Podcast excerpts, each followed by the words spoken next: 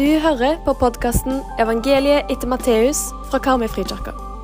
Vårt mål er å gi daglig inspirasjon til å følge Jesus. God mandag. I dag er det 10. januar, og dagens tekst er Matteus 5, 27-37. Dere har hørt det sagt, du skal ikke bryte ekteskapet. Men jeg sier dere, den som ser på ei kvinne for å begjære henne, har allerede begått ekteskapsbrudd med henne i sitt hjerte. Om ditt høyre øye lokker deg til fall, så riv det ut og kast det fra deg. For det er bedre for deg å miste én kroppsdel enn at hele kroppen blir kasta i helvete. Og om din høyre hånd lokker deg til fall, så hogg han av og kast han fra deg. For det er bedre for deg å miste én kroppsdel enn at hele kroppen kommer til helvete. Det er sagt, den som skiller seg fra sin kone, skal gi henne skilsmissebrev. Men jeg sier dere, den som skiller seg fra sin kone av noen annen grunn enn hor, han blir skyldig i at begås ekteskapsbrudd med henne. Og den som gifter seg med ei fraskilte kvinne, bryter ekteskapet. Dere har også hørt det sagt til forfedrene, du skal ikke sverge falskt, og du skal holde det du har lovt Herren med ed. Men jeg sier dere, dere skal ikke sverge i det hele tatt, verken ved himmelen, for den er Guds i trona, eller ved jorda, for den er hans fotskammel, eller ved Jerusalem, for det er den store kongens by. Sverg heller ikke ved ditt hode, for du kan ikke gjøre et eneste hårstrå hvitt eller svart. La et ja være et ja, og et nei være et nei. Alt som er mer enn det, er av det onde. Jesus fortsetter å undervise fra de ti bud. Du skal ikke bryte ekteskapet. Og så fortsetter han med å konkretisere. Men jeg sier dere, den som ser på ei kvinne for å begjære henne, har allerede begått ekteskapsbrudd med henne i sitt hjerte. Så Jesus begynner sin undervisning med å legge vekt på viktigheten av de minste budene. Det er på denne måten han har evna å knytte sinnet opp mot drap, og begjær opp mot utroskap. Så ordet begjær, det bruker vi i dagligtalen om en veldig sterk lengsel. Det kan være en lengsel etter sex og intimitet, eller etter makt og posisjon, eller etter å ha noe. Ofte blir begjær beskrevet som noe negativt, noe som vi helst burde temme eller kontrollere, fordi det kommer ut av kontroll, og ofte kommer det til å skade oss sjøl og andre. Hvis vi ser i Andre Mosebok 20, der de ti bud listes opp, så står det mer om de tingene vi ikke skal begjære. For eksempel, du skal ikke begjære din nestes hus, du skal ikke begjære din nestes kone, slaven eller slavekvinna hans, oksen eller eselet hans eller noe annet som hører det neste til. Men hva skal vi da gjøre med begjæret vårt? For at vi har begjær, det er det jo ingen tvil om. Hvor skal begjæret vårt rettes hen? Hva skal vi gjøre med våre lengsler? Og har ikke Gud òg skapt lengslene i oss? Jo, vi kan eksempel lese i Salme 84. Hvor elskelige dine boliger er, Herre Sebaot. Jeg lengta, ja, jeg fortærtes av lengsel etter Herrens forgårder. Og nå jubler hjerte og kropp mot den levende Gud. Og Seinere i salmen kan vi lese at salige er de som har sin styrke i deg, de som lengter etter å dra opp til tempelet. Lengselen er altså en styrke i salmene. Den er en styrke fordi han er retta mot Gud. Der finner den sin retning og funksjon. Lengselen blir til en sterk kraft som får oss til å leve ut vårt begjær med hensikt, ikke for å manipulere andre, men for å gi Gud ære, og for å komme helt nært til Ham. Jødedommen beskriver lovgivningen på Sinafjellet som et ekteskap mellom seg sjøl og sitt folk, med bud som hjelper oss å gjøre det vi innerst inne vil, og være helt nær til Gud og til hverandre. Kanskje kan vi sammenligne de ti bud med det vi sier når vi gifter oss. Lover dere å elske og ære og bli trofast hos hverandre til døden skiller dere ad?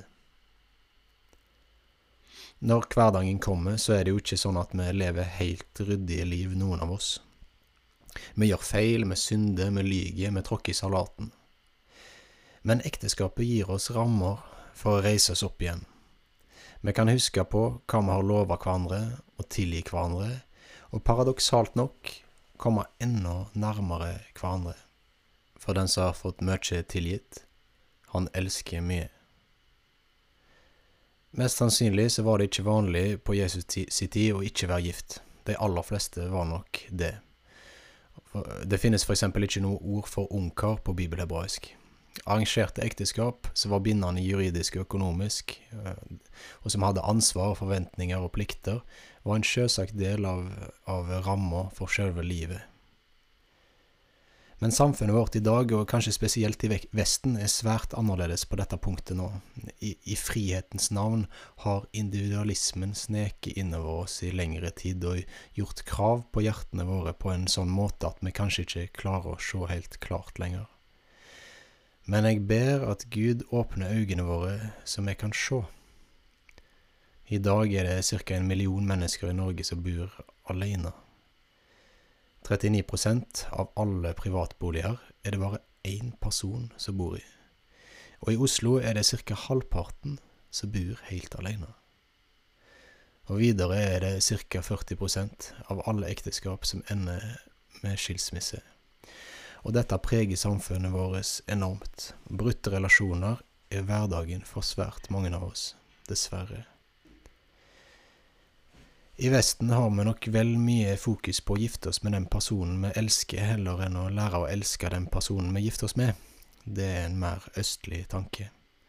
Men vi kan med fordel lære fra Østen, når vi vet at Jesus og hele bibellitteraturen er skrevet i østlig kulturforståelse. Det var en gang en mann fra Østen som sa til en europeer om ekteskapet. Vi fra Østen, vi tar ei kald suppe på et varmt bål, og suppa blir sakte, men sikkert varmere.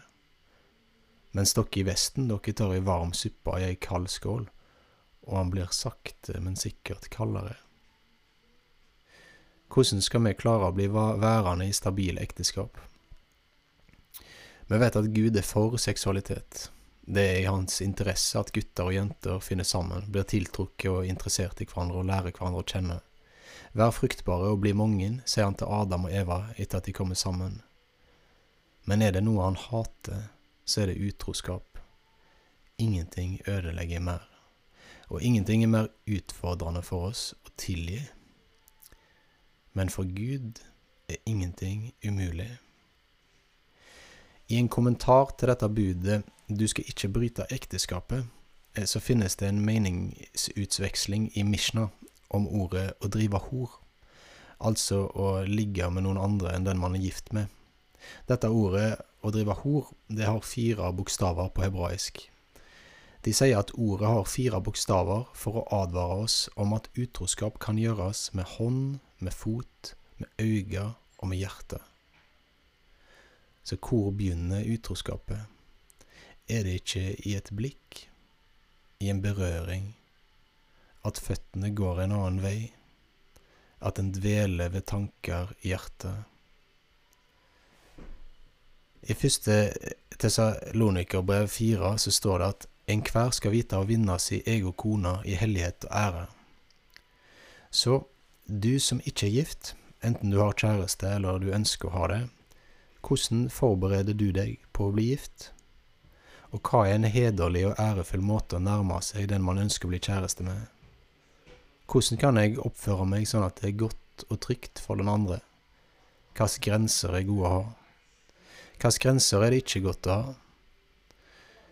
Denne diskusjonen bør med fordel være lett tilgjengelig for alle de det gjelder, og ikke tabubelagt verken av ungdom eller av voksne.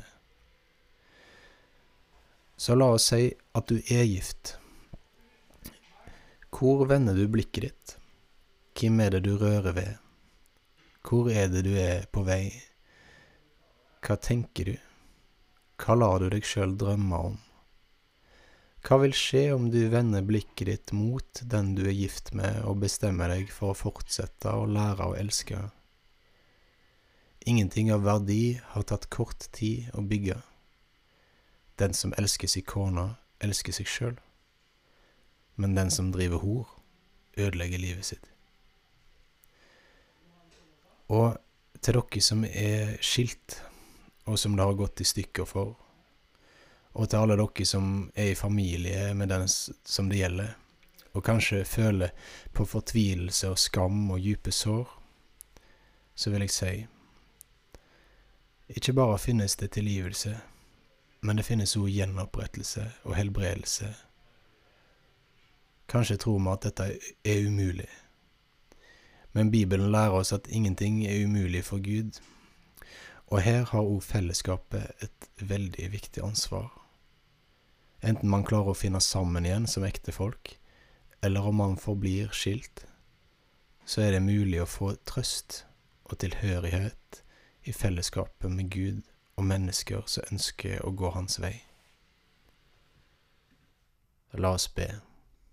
Kjære Jesus, du Guds sønn. Forny mitt hjerte. Din ånd gir tone til fuglene sin sang og bienes summing. Det du har skapt, er fullt av underverk, så vakkert å se på. Jeg ber om ett under til, at du gjør min sjel vakker. Amen. Gud velsign himmelen over oss jorda under oss, ditt bilde djupt inni oss, og dagen foran oss. Amen. Vi håper du blir med videre for å lese hele evangeliet etter Matteus sammen med oss. Leseplanen finner du på våre nettsider.